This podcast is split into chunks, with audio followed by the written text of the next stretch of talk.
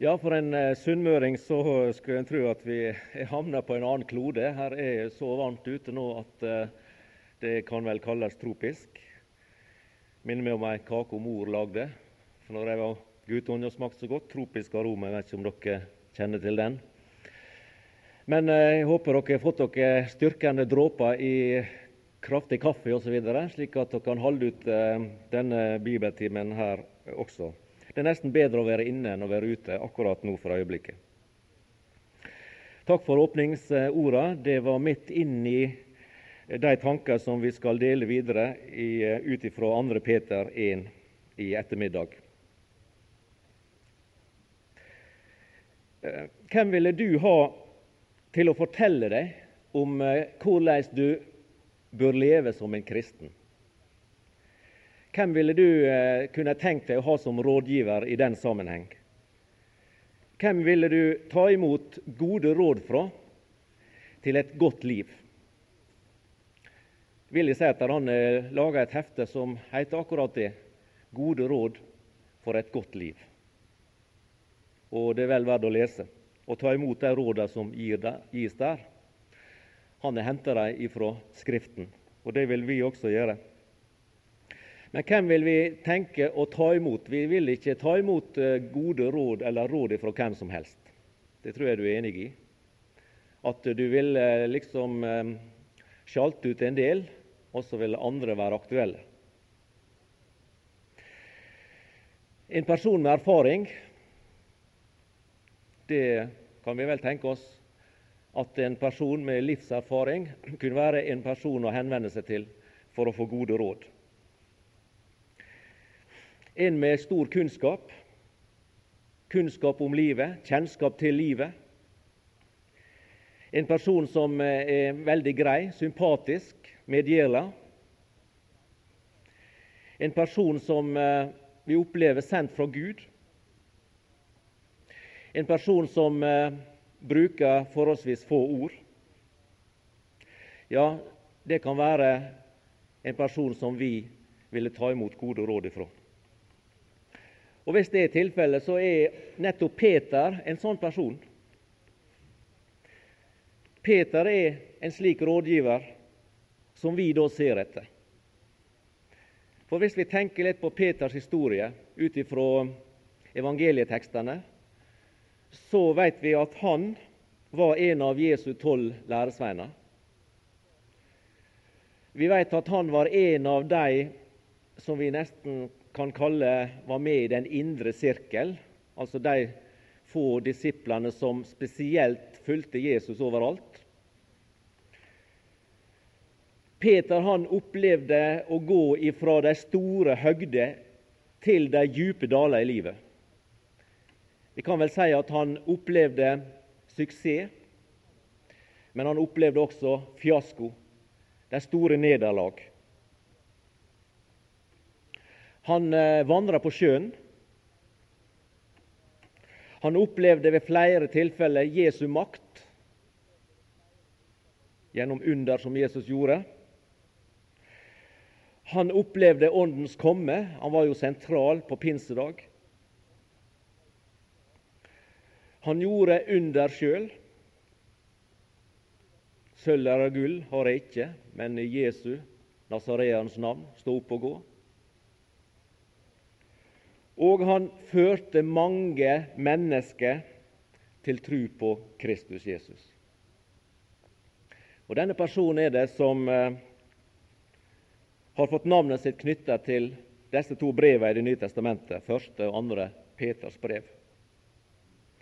Og Her i det første kapittelet i andre brevet så er han opptatt med, som vi var inne på sist vi snakka, å holde fram de ekte, de sanne verdiene, til forskjell fra det uekte, til forskjell fra det falske, etterligningene eh, etter det sanne evangeliet som fantes allerede på hans tid.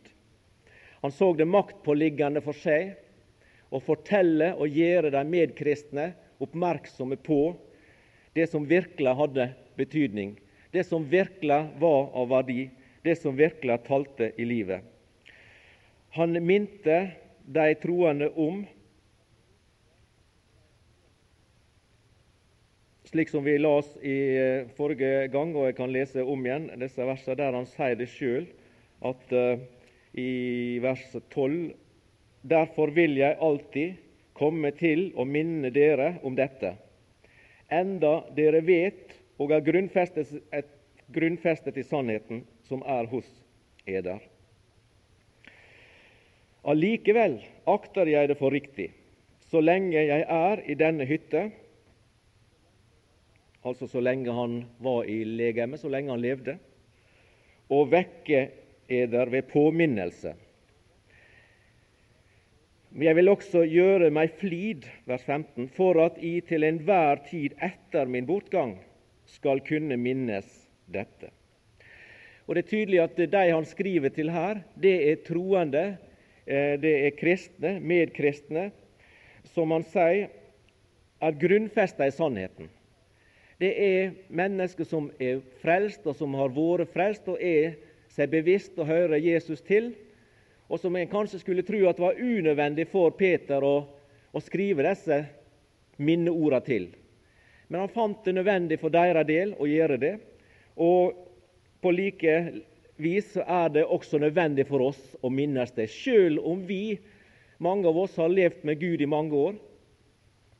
Så blir vi aldri Eh, fullmoden i denne sammenheng. Vi vokser aldri ut av det å ha bruk for å bli minnet om disse viktige ting.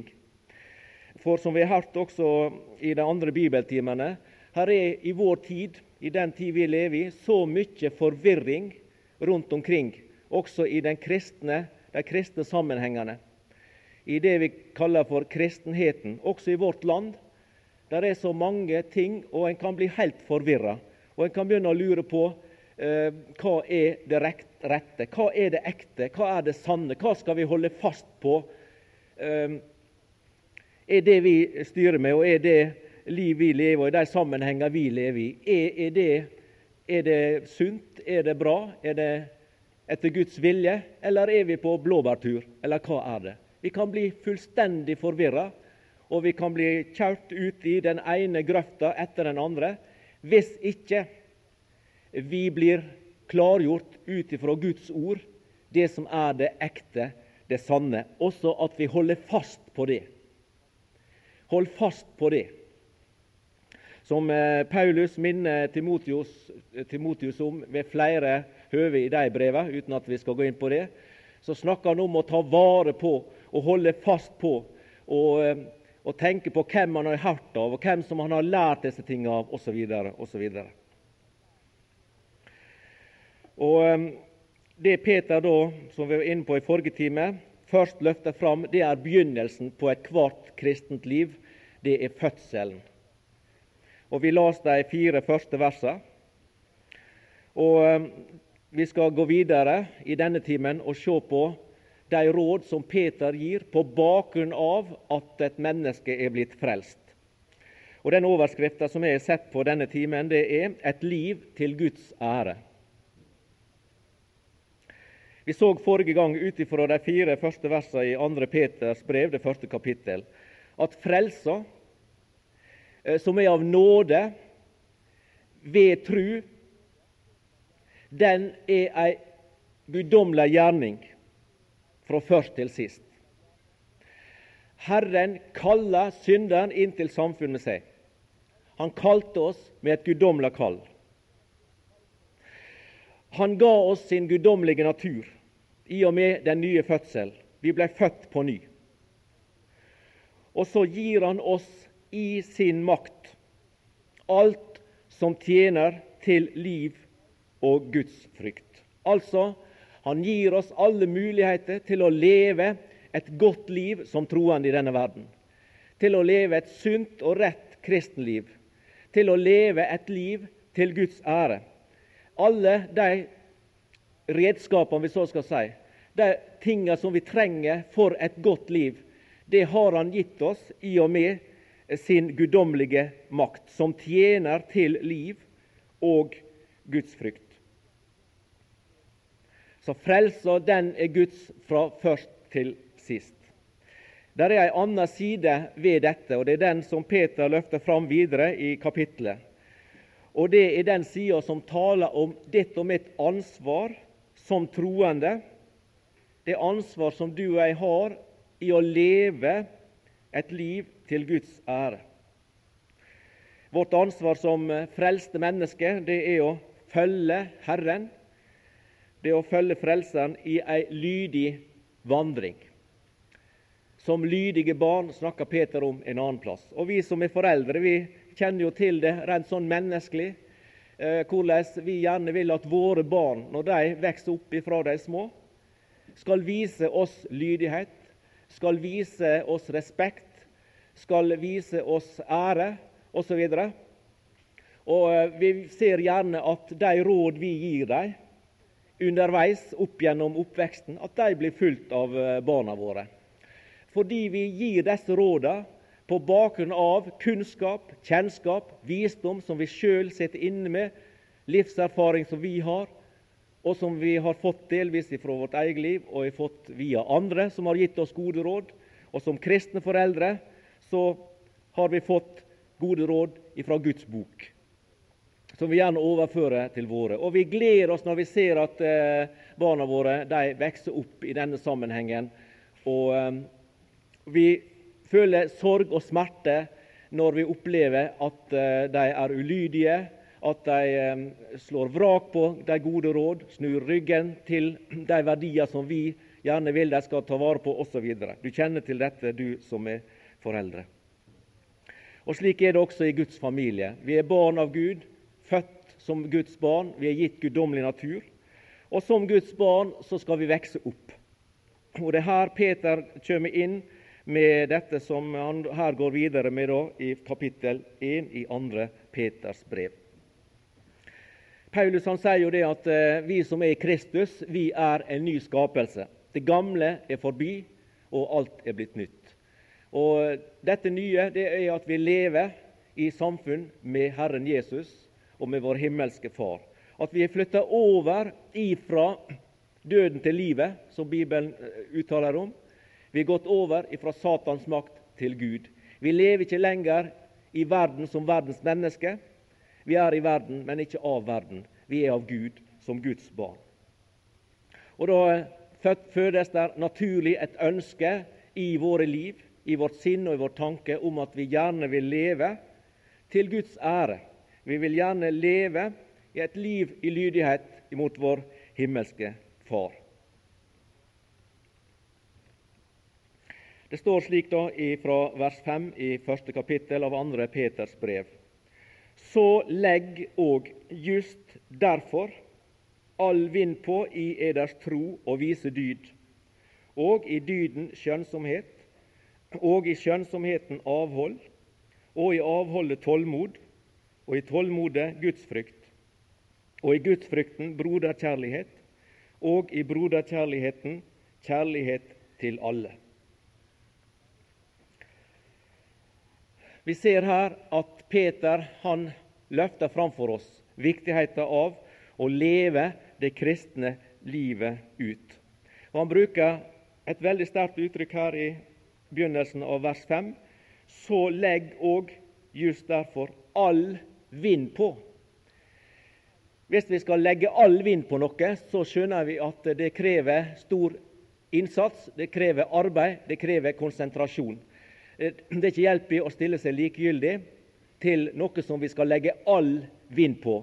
Det krever sin mann fullt ut, for å si det på den måten. Og Bakgrunnen det leser vi jo om her i vers 3. Ettersom. Det er et ord som knyttes til vers 5. Ettersom, og så kommer det han da vi var inne på eh, ved forrige time.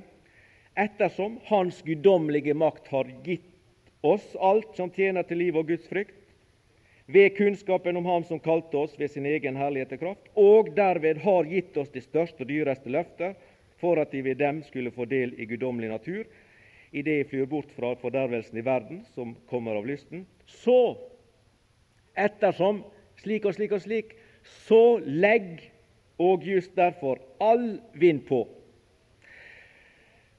Jeg siterte forrige time akta-oversettelsen av Nytestamentet, og eh, akta har denne formuleringa i begynnelsen av vers 5. Og nettopp derfor, altså fordi vi er gjenfødt, fordi vi er Guds barn, fordi vi lever i Guds familie, fordi Gud har kalt oss og ved sin makt gitt oss alt som tjener til liv og Guds frykt. Så nettopp derfor må dere sette alt inn på i deres tro og vise dyd osv. Så, når Peter her først oppfordres og oppmuntres og utfordres, må vi vel kunne si, til å legge all vind på, så lister han opp åtte karakteristiske trekk ved kristenlivet. Og vi kan si det på den måten at i den grad disse åtte karakteristiske trekkene får innpass i våre liv, får bli virkeliggjort i våre liv, så vil vi leve godt med Gud og leve godt med våre medmennesker. Det skal vi se etter hvert. Men det er jo en prosess. Det er ikke bare å knipse med fingrene når en er frelst, og så knipse med fingrene, og så er en fullmoden, og så er en ferdig utvoksen. Sånn er ikke det. Slik er det heller ikke i det naturlige livet, ei heller i Åndens verden. Der har en begynnelse, og så er det utvikling, og så er det fram mot et mål. Og Vi skal si litt om disse karakteregenskapene, og håper det at det, vi gjennom det som eh, ordet forkynner oss ut ifra disse tingene her, at det kan gjøre deg og meg til enda mer ansvarsbevisste kristne enn vi er i dag.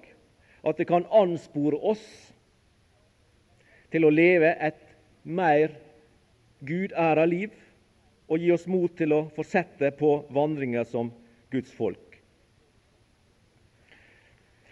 Så legg òg just derfor all vind på i eders tro. Det første trekk som vi er blitt minnet om flere ganger i eh, denne bibelsamlinga, det er at nøkkelen inn i disse tinga, det er tru. Hebreabrevet sier jo i forbindelse med kapittel 11 at uten tru er det umulig å tekkes Gud. Tru er nøkkelen inn til samfunn med Gud og inn i Guds familie. Så Det nevner Peter her. da. Så legg og just derfor all vind på i eders tro. Det er nøkkelen. Det er forutsetninga. For et menneske som ikke tror evangeliet, for et menneske som lever utenom Jesus, i vantru, så er ikke disse tingene aktuelle. Det, det gjelder deg som er frelst. Det gjelder du som er tatt imot Jesus som din frelser, du som eier trua på Han i ditt hjerte. Det er til deg Peter taler, og det er til meg Peter taler disse ordene.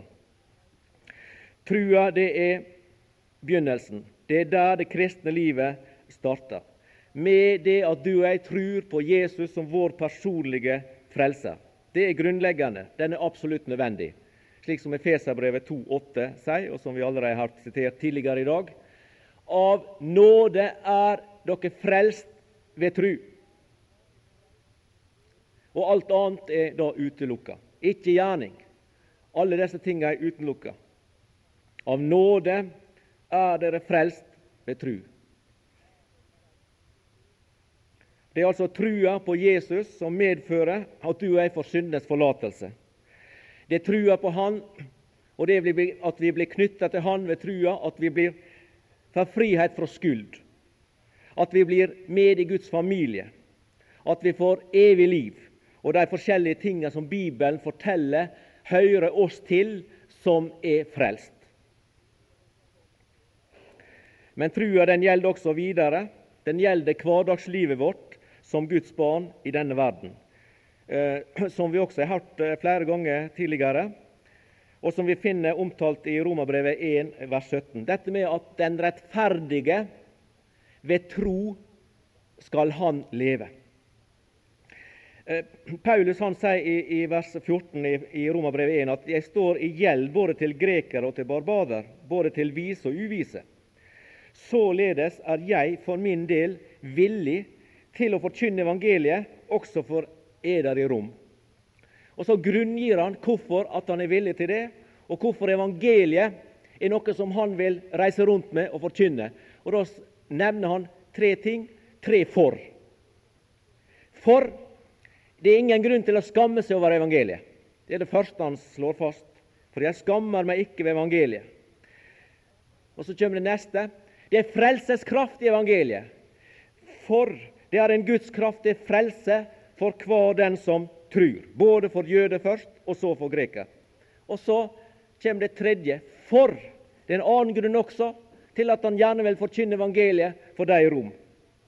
For i det, altså evangeliet, åpenbares Guds rettferdighet av tro til tro, som skrevet er, den rettferdige ved tro skal han leve. Starten, det er ved tru. Av nåde er dere frelst ved tru. Og vi lever troeslivet vårt i vårt forhold til Gud og den Herre Jesus i lang eller kortere tid, i den vandring vi har her på jord, lever vi fortsatt i tru. Vi lever i tru og ikke i beskuelse. Vi har ikke det synlige for øyet, sier Paulus, men det usynlige. Det synlige, det er timla og forgår, men det usynlige, det er evig. Og Det er denne, dette livsløpet som troende Peter er opptatt med å gi oss gode råd for. At Hvis vi følger de råd som Peter gir her, så vil du og jeg oppleve et godt liv som troende i denne verden. I eders tro og vise dyd. I Nytestamentet så blir dette ordet dyd brukt i hvert fall på tre måter. Og I den ene måten, og til vanlig, så blir det brukt om det å vise moral, altså vise god og og utmerka moral. Leve et moralsk godt liv. Men det er også to andre betydninger. Det, når, eh, I Hellas eh, Nytestamentet er jo skrevet på gresk. og I det gamle Hellas så var det slik at hvis at et planlagt mål Hvis at en setter seg mål for enkelte ting, planla at en skulle enten arbeide fram mot et mål, eller det var ting, eller det kunne være jeg skal, jeg skal, nevne et spesielt eksempel. Så, så liksom at en oppnådde det målet. At de det realitetene virkeliggjorde målsettinga, så kalte en det dydig. En snakker om at da var vedkommende ting dydig. Jeg brukte ordet dyd på det. For eksempel hvis at en, eh, en var på markedet og skulle kjøpe seg hest. Og Hvis en da gikk fra hest til hest, og så tok en for seg en hest, da hadde en et mål for hva slags hest en ville ha. Hvordan han skulle se ut, hva slags kvalitet det skulle være på den hesten. Og Hvis det, det kunne sies om en hest at han var elegant i utseendet, at han var sterk, hadde krefter, og at han var god å ri på, så sa grekerne at dette er en dydig hest.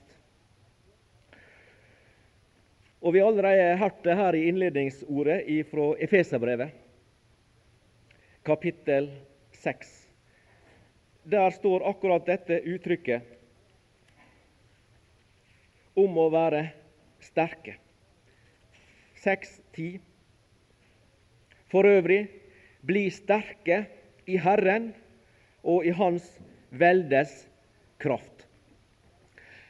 Her ser du at eh, det er ikke snakk om å bli sterk i vår egen kraft. Nei, P. Luther han, han har jo sagt eh, forskjellig rart og skrevet mye rart. Men en av de tingene som han har skrevet som vel vi må være enige om, det er en av salmene sine, det er at hvis det gjaldt vår egen kraft og vår egen makt, så var vi snart nedhugne. Fordi vi har fiender omkring oss som er mye sterkere enn oss der vår makt ikke ville ha betydning. Vi ville være sikre den totale fiasko og nederlag hvis det skulle stå på vår makt. Vi har krefter i oss, i vårt eget, vår egen gamle natur. Vi har ondskapens krefter omkring oss, og vi har han som er Satan, denne verdens gud. Det er noe av krefter som virker imot oss som et Guds barn i denne verden. Så det er ikke hjelp i å bli sterke i vår egen kraft. Men her oppfordrer eh, apostelen oss for øvrig bli sterke i Herren og i Hans veldes kraft. Og Vi finner også et lignende uttrykk i 2. Timotius eh, brev, det andre kapittel og første vers. Så blir da du, min sønn, sterk. Ikke egen kraft, men sterk ved nåden i Kristus Jesus. I eders tro og vise dyd, i det ligger der altså at du og jeg tilegner oss Herrens styrke. Vi søker Hans styrke i våre liv. Vi stoler ikke på vår egen forstand, vår egen visdom, vår egen kraft. Vi ser på oss sjøle som kraftesløse, og så søker vi vår styrke i Han. Og at det er en styrke som vi søker ved nåden.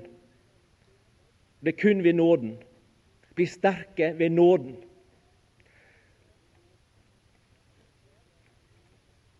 Og Den tredje måten som ordet dyde blir brukt om, det er at eh, det ble sagt om, om eh, ei mark, altså ei grasmark, at hvis den eh, ga veldig stor grøde, hvis den var produktiv, så ble det sagt om den marka at hun var dydig. Og Vi leser i Kolossenserbrevet det første kapittel og vers 10 at de kan vandre verdig for Herren til velbehag i alt, så I bærer frukt og vokser i all god gjerning ved kunnskapen om Gud. Det er å være dydig. Det er å ved kunnskapen om Gud. Det er også en nøkkel som vi har vært inne på i flere av bibeltimene her på Lundeneset denne veka. At kunnskapen om Gud det er en nøkkel til å få tak i sannheten og holde fast på sannheten. For uten kunnskap, uten å kjenne disse tingene, så kan vi heller ikke ta vare på dem. Og Det harmonerer veldig fint med det som Peter også uttrykker i det kapittelet som vi holder på å lese. I vers 3 sier han jo at Hans guddommelige makt har gitt oss alt som tjener til liv og Guds frykt, ved kunnskapen om Ham som kalte oss det er ved kunnskapen om ham. Og i vers 8 står der i siste delen i kunnskapen om vår Herre Jesus Kristus.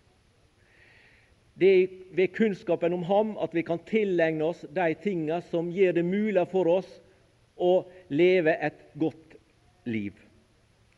Og som også gjør det mulig for oss i vår tro å vise dyd. Altså at livet vårt kan virke slik at vi opplever på samme måten som eh, Paulus ber for kolossenserne, at vi bærer frukt og vokser i all god gjerning. Det er, ut, det er utvikling, en framgang i livet som et Guds barn ifra begynnelse til slutt. At det skal skje en vokst og en utvikling i våre liv, den enkelte av oss. Slik at vi bærer frukt og vokser i all god gjerning ved kunnskapen om Gud, og at det slår tilbake på vår himmelske Far og gir Han ære. Vi som eh, er frelst, vi har også et mål for våre liv, nemlig å bli mer lik Han, bli mer prega av Han. Slik som sangeren uttrykker det i denne sangstrofa, og var jeg mer deg Jesus lik, mer hjertevarm og god. Det er et ønske som alle Guds barn har.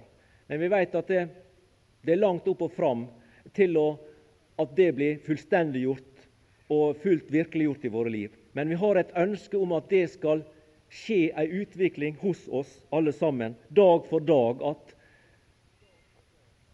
vi nærmer oss i slik grad til Han. At Han får prege oss, at Hans ord får prege oss. At den kunnskapen vi tilegner oss gjennom Skriftene, får prege oss får bli Åndens arbeidsredskap i våre liv, slik at Han kan ta av Jesus sitt, som han sier, og gi til oss. Slik at det kan være med å bygge oss opp og forandre våre liv i hverdagen. Men en nøkkel til det, det er at vi må dele samfunn med Han i Ordet, og at Han får anledning til å forme oss etter sin vilje. I eders tro og vise dyd, og i dydens skjønnsomhet. Aktoversettelsen bruker ordet 'kunnskap' for ordet 'skjønnsomhet'. Og Den kunnskap som Peter nevner her, det er kunnskapen om grunnleggende kristne bibelske sannheter. Det er en god kunnskap og kjennskap til Guds ord som gir ei solid forankring for trua.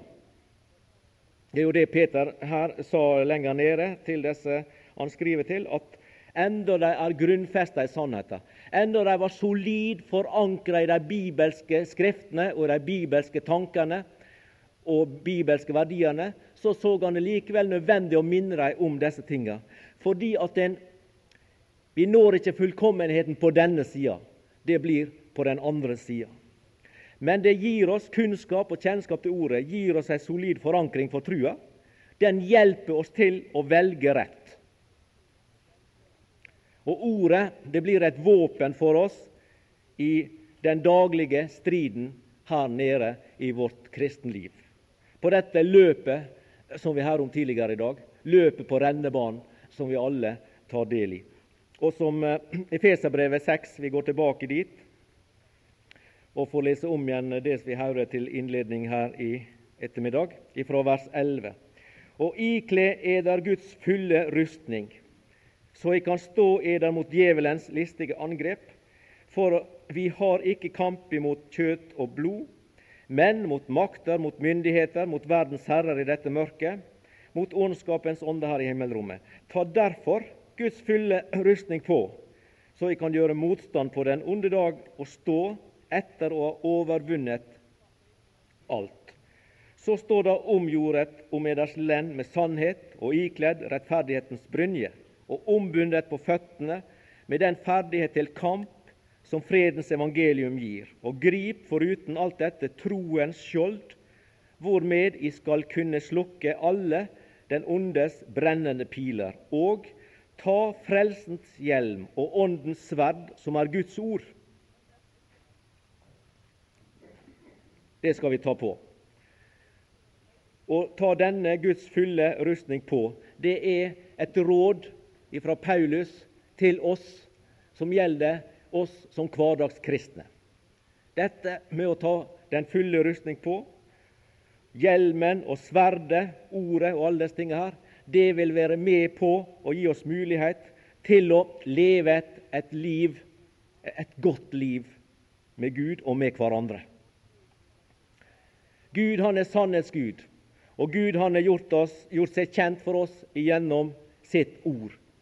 Gud han er ikke en taus Gud. Tenk på alle de religioner eh, som florerer i verden. Tenk på alle de millioner av mennesker som tilber en Gud som er taus. Som ikke kommuniserer med sine undersåtter. Som ikke deler samfunn på noe vis med de som tror på disse døde tinga, enten det er stein eller tre eller himmellegeme eller hva det er for noe. Men vår Gud, himmelens Gud, han valgte å kommunisere med oss. Han ville formidle sine tanker, sin vilje, sitt råd til oss. Og det gjør han gjennom det medium som vi sjøl bruker for å formidle kontakt med hverandre, nemlig ordet, språket. Har han i disse siste dager talt til oss ved Sønnen? Han talt ordet. Og dette ordet som levde i den evige verden, det tok kjøtt og blod på seg og kom i menneskets lignelse og ble født inn i denne verden. Ordet som var hos Gud og var Gud, ble kjøtt og tok bolig iblant oss. Og så formidla Han, som vi hører så fint, Han som er sønn over Guds hus. Han formidler sine tanker til oss, som vi så kan formidle tilbake til hverandre. Og det er det som skjer her. Gud er sannhetsgud, og han har gjort, kjent, gjort seg kjent for oss gjennom Ordet. Og Derfor er det vi har bibelkurs og bibelsamlinger og bibelstudium og hva vi kan kalle det av navn, enten det gjelder det personlige gudslivet eller i samfunn med andre mennesker, så er det for å lære og gjøre oss kjent med hva Bibelen har å si, hva Guds ord har å si, hva Skriften har å si. Og så vil Han som vår himmelske Far at vi skal være lydige imot Ordet og leve etter det som Ordet sier. Bibelens ord det er til styrke for oss, det er til gagn for oss, det er til veiledning for oss i vårt daglige troes liv. Salme 1. Salig er den mann som ikke vandrer i ugudeliges råd, og ikke står på synderes vei, og ikke sitter i spotteres sete, men har sin lyst i Herrens lov og grunner på Hans lov dag og natt. Salme 1, vers 1 og 2. Her hører vi om en, og hvis vi anvender dette på Guds barnet, på deg og meg, som lever troens liv, så viser det at den av oss, de av oss, de av Guds folk, som prioriterer For her er det snakk om valg. Her er det snakk om prioriteringer. Som velger å bruke tid i ordet, som velger å bruke og ha sin lyst i Herrens lov og grunne på Hans lov dag og natt, som her står. Det er vel få av oss som kan rose oss av å gjøre det. Men at vi gjør det i en viss grad og en viss monn, så vil det føre til forandring i livet. Eh, for de mennesker som grunner på Herrens lov og er opptatt med den, de finner vi ikke i ugudeliges råd. De finner vi ikke på synderes vei. De sitter ikke i spotteres sete. De har andre ting å bestille. Og slik blir det med deg og meg også, som et Guds barn i dag. At hvis vi bruker vår tid på de himmelske ting og på Guds folk og på det å hjelpe hverandre, oppmuntre og oppgløde hverandre, som vi har hørt om så fint tidligere her. Vi som er på troens vei, og samtidig prøve å nå andre med evangeliet som ennå ikke er frelst. Både de som lever nær oss, og de som lever i de fjerne land, og som ennå er unådde av evangeliet. Så har vi nok å henge fingrene i til at vi bruker tid på disse andre tingene som er typisk for verdens mennesker å bruke tida si til. Så Salme 1 forteller om en person som har gjort valg, og som derfor har et liv som karakteriserer den personen. Mens andre personer som har gjort andre valg i livet, de fører et liv og har en livsholdning og en livsstil som karakteriserer deres valg. Og slik blir det for deg og meg også. Hele livet vårt, hver en dag, er valg. Også som Guds barn så velger vi hver en dag i ulike sammenhenger. Og de valg vi gjør, får sine konsekvenser. Ikke alle like dramatiske, og ikke alle uh, så med en gang, kanskje. Men det skjer konsekvenser av valg. Og i skjønnsomheten avhold. Eh, der bruker akta avhold, selvkontroll, selvbeherskelse. Og Det gjelder i alle livets sammenhenger. Det kan gjelde mat og drikke, det kan gjelde materielle ting, og det kan gjelde moralske ting, etiske valg osv. Så, så gjelder det for deg og meg som et Guds barn å utvikle sjølbeherskelse. Og som Håkon var inne på, så er det ikke alle som stiller likt i begynnelsen i den sammenhengen. For noen av, av mennesker, noen av dere, er så snilde som dagen er lang. Og dere har et rolig gemytt, og alt er så fint at eh, det er umulig å tenke seg at eh, noen av dere da eh, verken kan bli irritert eller sinna eller heve stemma si. noe sånt. Slik er ikke jeg, dessverre. Men det er ikke noen unnskyldning. Jeg har et mer hastig gemytt, gjerne. Jeg kan være tålmodig på enkelte plan, men på andre skal det ingenting til. Der har jeg en skole å gå. Her er jeg i første klasse. Her må jeg sette meg ned ved mesterens føtter og så tilegne meg og lære og være villig til at livet mitt kan forandre seg, slik at om en måned, om et år, eller hvor lenge jeg lever, så blir en mer sjølkontrollert, har en større selvbeherskelse enn en hadde i fjor enn i forfjor, som et Guds barn.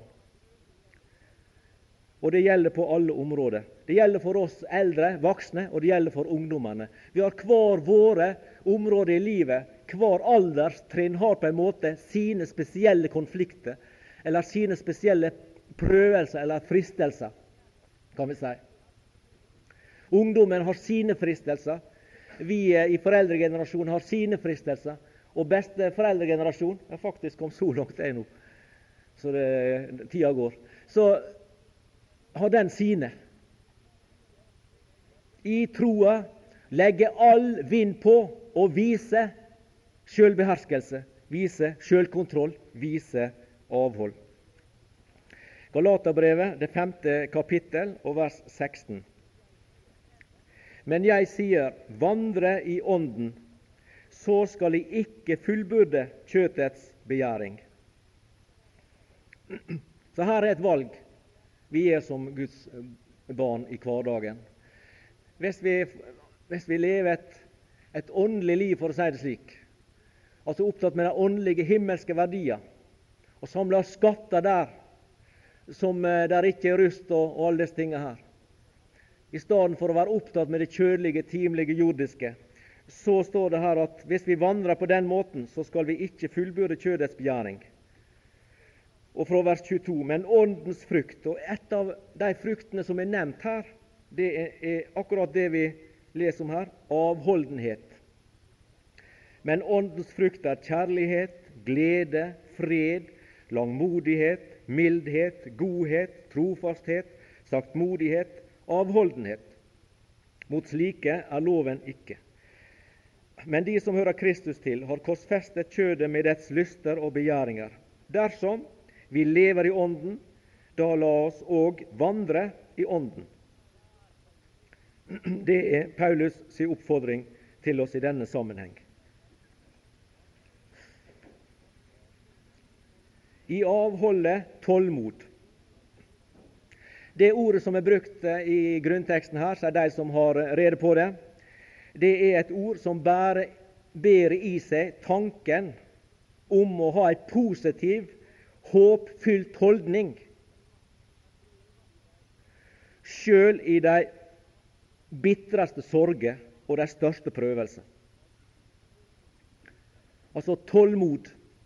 Aktoversettelsen bruker ordet utenholdenhet, utholdenhet. Altså det at du og jeg utvikler et tålmodighet i våre liv som troende, at vi får utvikle utholdenhet, det går i den retning av at du og jeg, uansett hva som møter oss i livet Og her har vi en lekse å lære. Somme av Guds barn er kommet lenger enn andre i denne sammenhengen at uansett hva som møter oss av motgang, av sorg, av prøvelser, av ting som er bittert, av alle disse som vi setter minus foran i våre liv, at vi lærer oss til å gjennom og i disse tingene ha ei holdning som er fylt av håp, og ei positiv holdning til det. Det er meninga med dette ordet her i Peters brev. Jeg las det i ei bok eh, en som skrev det slik at han hadde for sin del Jeg kan ikke si om det gjaldt han, eller om det var en eh, troende som han kjente. Samme kan det være. Men i alle fall så hadde vedkommende lært seg, eller blitt fått tilegna seg den holdninga i livet at når han møtte på vansker, problem, fristelser, prøvelser, som var vonde, så ble ikke han, mistet ikke han motet. Han ble ikke kua. Han tapte ikke frimodigheten. Nei, han hadde lært seg til den holdninga at han vendte seg til Gud, og så sa han dette er spennende, Gud. Mon tru hva er det du vil med denne prøvelsen?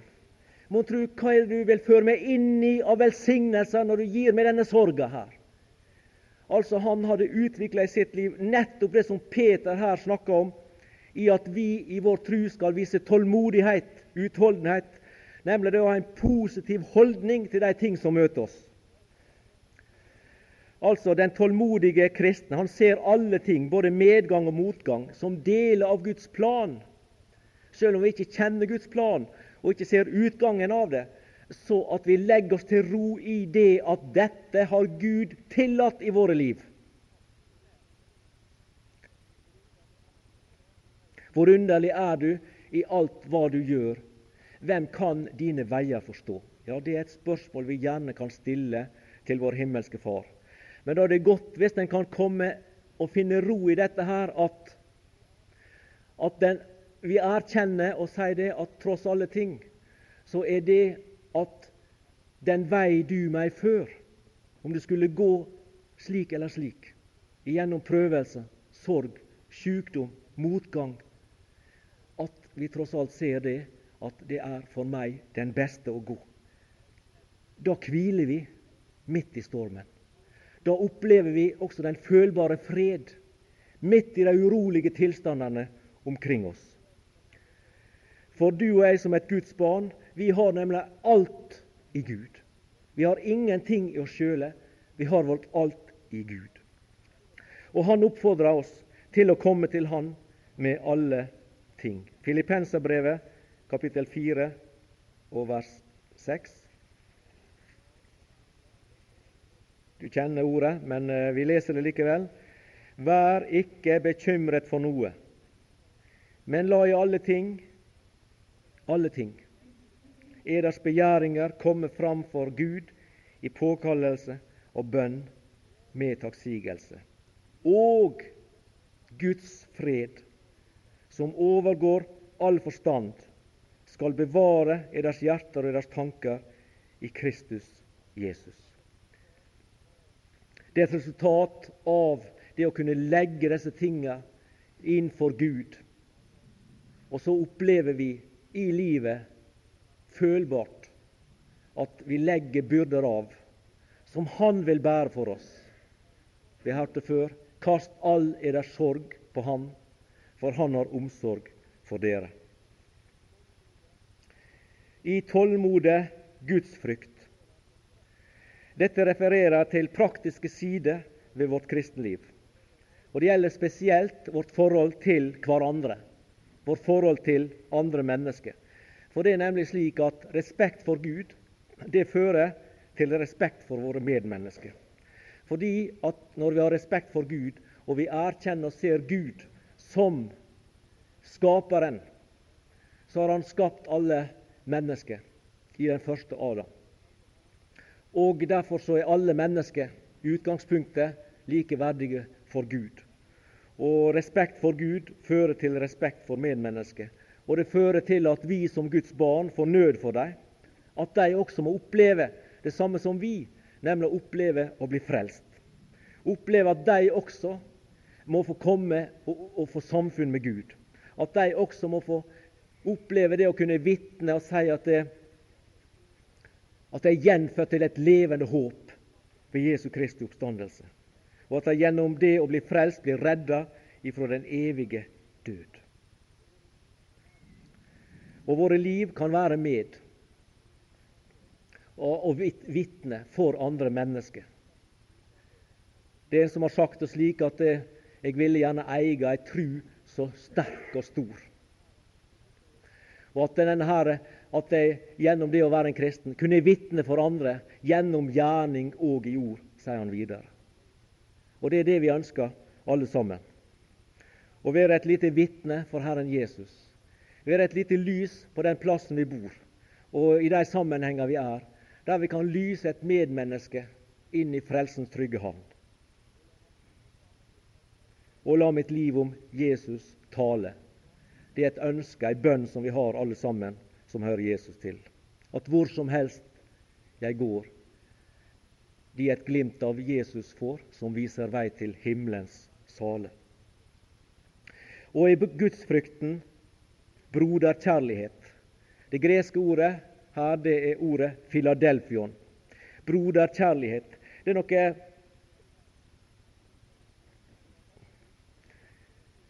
artig, ja, ikke artig da, men uh, rart og et under som skjer i et menneskes liv når en blir frelst. Vi finner det i, i uh, i 1. Johannes brev, det tredje kapittel og, og 14. vers. Vi vet at vi har gått over fra døden til livet fordi vi elsker brødrene. Fordi vi elsker brødrene. Fordi vi elsker de troende. Når et menneske blir frelst, når vi lever opp i Guds forsamling blant troens folk, så blir vi glad i troens folk. Det, er skapt noe i, i, vårt liv som ikke er av oss, men som er av Gud. Det er skjedd noe som gjør at vi blir glad i de som hører Gud til. Vi blir glad i Jesu venner, enten de er små eller de er store. Enten de er unge eller de er gamle. Uansett bakgrunn, uansett hva slags rase, uansett hva et land de er fra, hva slags kulturbakgrunn, språk osv. Er de frelst, og hører Jesus til, så føler vi samfunn, fellesskap, og vi kjenner at vi er søsken. Og det er mange, og det kan sikkert flere her i salen også, hvis det blir gitt anledning til det en gang, stå på og vitne det at det, når jeg levde som et verslig menneske ute i verden, så var de kristne det, det, det var ei pest og ei plage. Og folk som gikk på bedehuset og bekjente seg som troende, de hadde, ville ikke ha noe med å gjøre. Det er mange som forteller. Og så ble de frelst. Og det første de oppdaga nær sagt neste dag de våkna, det er at de, de er blitt glad i de de før spotta, og de de før håna, og de de før forakta, og de de før ble sett på som pest og plage. De ble de beste venner, og deres beste omgangsvenner, kanskje, og gode rådgivere på troens vei. Er ikke det forunderlig? Det måtte et under som er skjedd. Og det er det her står. Vi elsker brødrene. Broderkjærligheten. Det gudfryktige hjertet det bærer i seg vilje til å, å ta seg av de andre troens barn. Dette 'hverandre' som eh, Ann Håkon har minnet oss om, det er et nøkkelord i brevet. Hverandre. Bære hverandres byrder. Ta seg av hverandre. Elske hverandre. Tåle hverandre. Hverandre, hverandre. Det blir født en vilje i oss, en vilje i vår nye natur, i det som er av Gud, til å hjelpe de andre, bære hverandre sine byrder og vise, gi ei hjelpende hånd til de som måtte trenge det, enten i store eller små ting, og ha omsorg for våre nådesøsken. Galaterbrevet kapittel 6 vil jeg lese i den sammenheng noen vers som minner oss om dette. Bær hverandres byrder, vers 2. Galaterbrevet 6, vers 2. Bær hverandres byrder og oppfyll på den måte Kristi lov. Vers 9 og 10. Men la oss gjøre det gode, og ikke bli trette, for vi skal høste i sin tid, så fremt vi ikke går går trett. La oss derfor, mens vi har leilighet til det, gjøre det gode mot alle, men mest mot troens egne folk. Broderkjærlighet. Legg derfor all vind på å vise broderkjærlighet. Og i broderkjærligheten kjærlighet til alle. Og Det uttrykket som er brukt her, i denne kjærlighet til alle, det er det sterkeste uttrykket for kjærlighet som finnes i Det nye testamentet. Det er agape-kjærligheten. Det er den kjærlighet som springer ut fra en person til en annen person, uten tanke på om vedkommende person fortjener denne kjærlighet. Det er at du og jeg vårt praktiske liv, i vårt forhold til andre mennesker, skal vise overfor deg den kjærlighet Gud har vist til oss. For han har vist en slik kvalitet av kjærlighet. Han så ikke på om vi fortjente hans kjærlighet. Han så ikke på og valgte seg ut noen som var så elskelige, som var så fine og så fromme og så greie og snille at de hadde han all lyst til å elske. Og alle disse andre stribukkene og de med harde hjerter osv., de slo han handa av. Nei, slik var ikke det hos Gud. Gud han elsker fordi han i sitt vesen er kjærlighet. Og så vendte han denne sin kjærlighet mot de som ikke fortjente det, nemlig synderen, du og jeg. Vi var uverdige til Guds kjærlighet. Vi var skyldige Guds dom. Vi var syndige mennesker som gikk mot den evige fortapelse på grunn av ulydighet mot Gud, på grunn av vår syndige natur. Alt talte imot oss i denne sammenheng. Likevel så elsker Gud oss slik at han sendte sin egen sønn til denne verden og inn i døden for våre synders skyld. Det minte han Svein oss om tidligere i dag ut ifra Romerbrevet 5. Bare fort ta de nøkkelordene om igjen der i vers 6 at mens vi av Kristus døde, for ugudelige. Det er den tittel som vi fikk i denne sammenheng. Ugudelige. Og i vers 8 mens vi ennå var syndere. Og i vers 10 mens vi var fiender. Ugudelige, syndere, fiender. Det var ikke noe særlig god attest som Guds ord setter på oss. Det var ikke mye der som var elskelig. Det var ikke mye der som kunne behage Gud. og som kunne gjøre at han av den grunn ville vende sin kjærlighet mot oss. Men Gud viser sin kjærlighet mot oss ved at Kristus døde for oss, fordi at Gud i sitt vesen er kjærlighet. Så han elsker ikke på grunn av oss, han elsker oss heller ikke på tross av det vi er. Han elsker oss for sin egen del og for sin egen skyld. Og så ble hans kjærlighet anvendt på oss, og så ble det vår redning. Så ble det vår frelse. Og så sier Jesus i Johannes evangeliet, det 13. kapittel, i vers 34 og 35.: Et nytt bud gir jeg eder, at de skal elske hverandre. Like som jeg har elsket eder, skal også I elske hverandre. Derpå skal alle kjenne at de er mine disipler, om I har innbyrdes kjærlighet. Det er den kjærlighet som elsker den ikke-elskelige, som elsker den uverdige, som elsker den ufortjente. Det er Guds kjærlighet. Det er Kristi kjærlighet. Og her blir vi utfordra av Peter til å vise i vår tro kjærlighet til alle. En kjærlighet som ikke krever, men en kjærlighet som gir. En kjærlighet som vender seg til mennesker omkring oss, uavhengig av om de er elskelige eller ikke. Men at vi viser omsorg for våre medmennesker, de som er ufrelste f.eks. Uavhengig av om vi liker dem eller ei, uavhengig av om hva vi synes om dem eller ikke, så skal vi møte dem med omsorg, møte dem med omtanke, søke deres ve og vel i et håp om at vi på en måte skal sanke gloende kål på deres haud. Altså at gjennom vår måte å nærme seg oss dem på, at det kan være med på å få deres sinn vendt til Herren.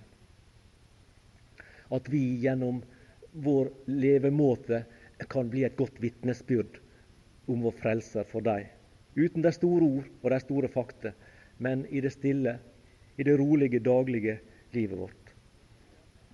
Men vi må erkjenne og minne hverandre om at vi har den gamle natur i oss. Så dette det er ikke som jeg sa, noe som vi kan knipse med fingrene, og så er vi fullkomne.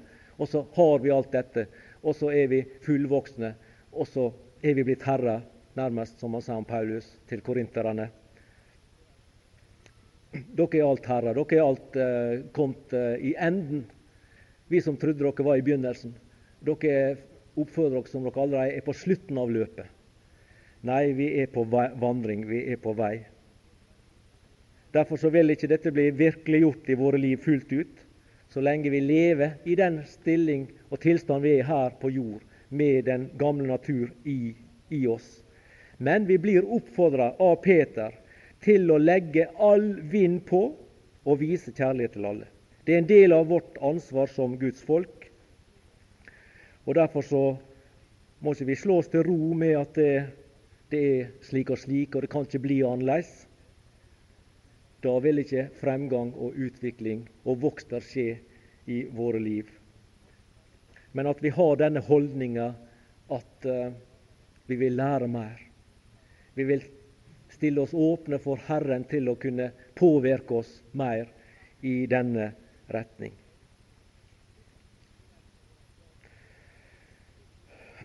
La oss være lydige mot apostelen når han oppfordres til å legge just derfor all vind på disse åtte tingene som han nevner opp her.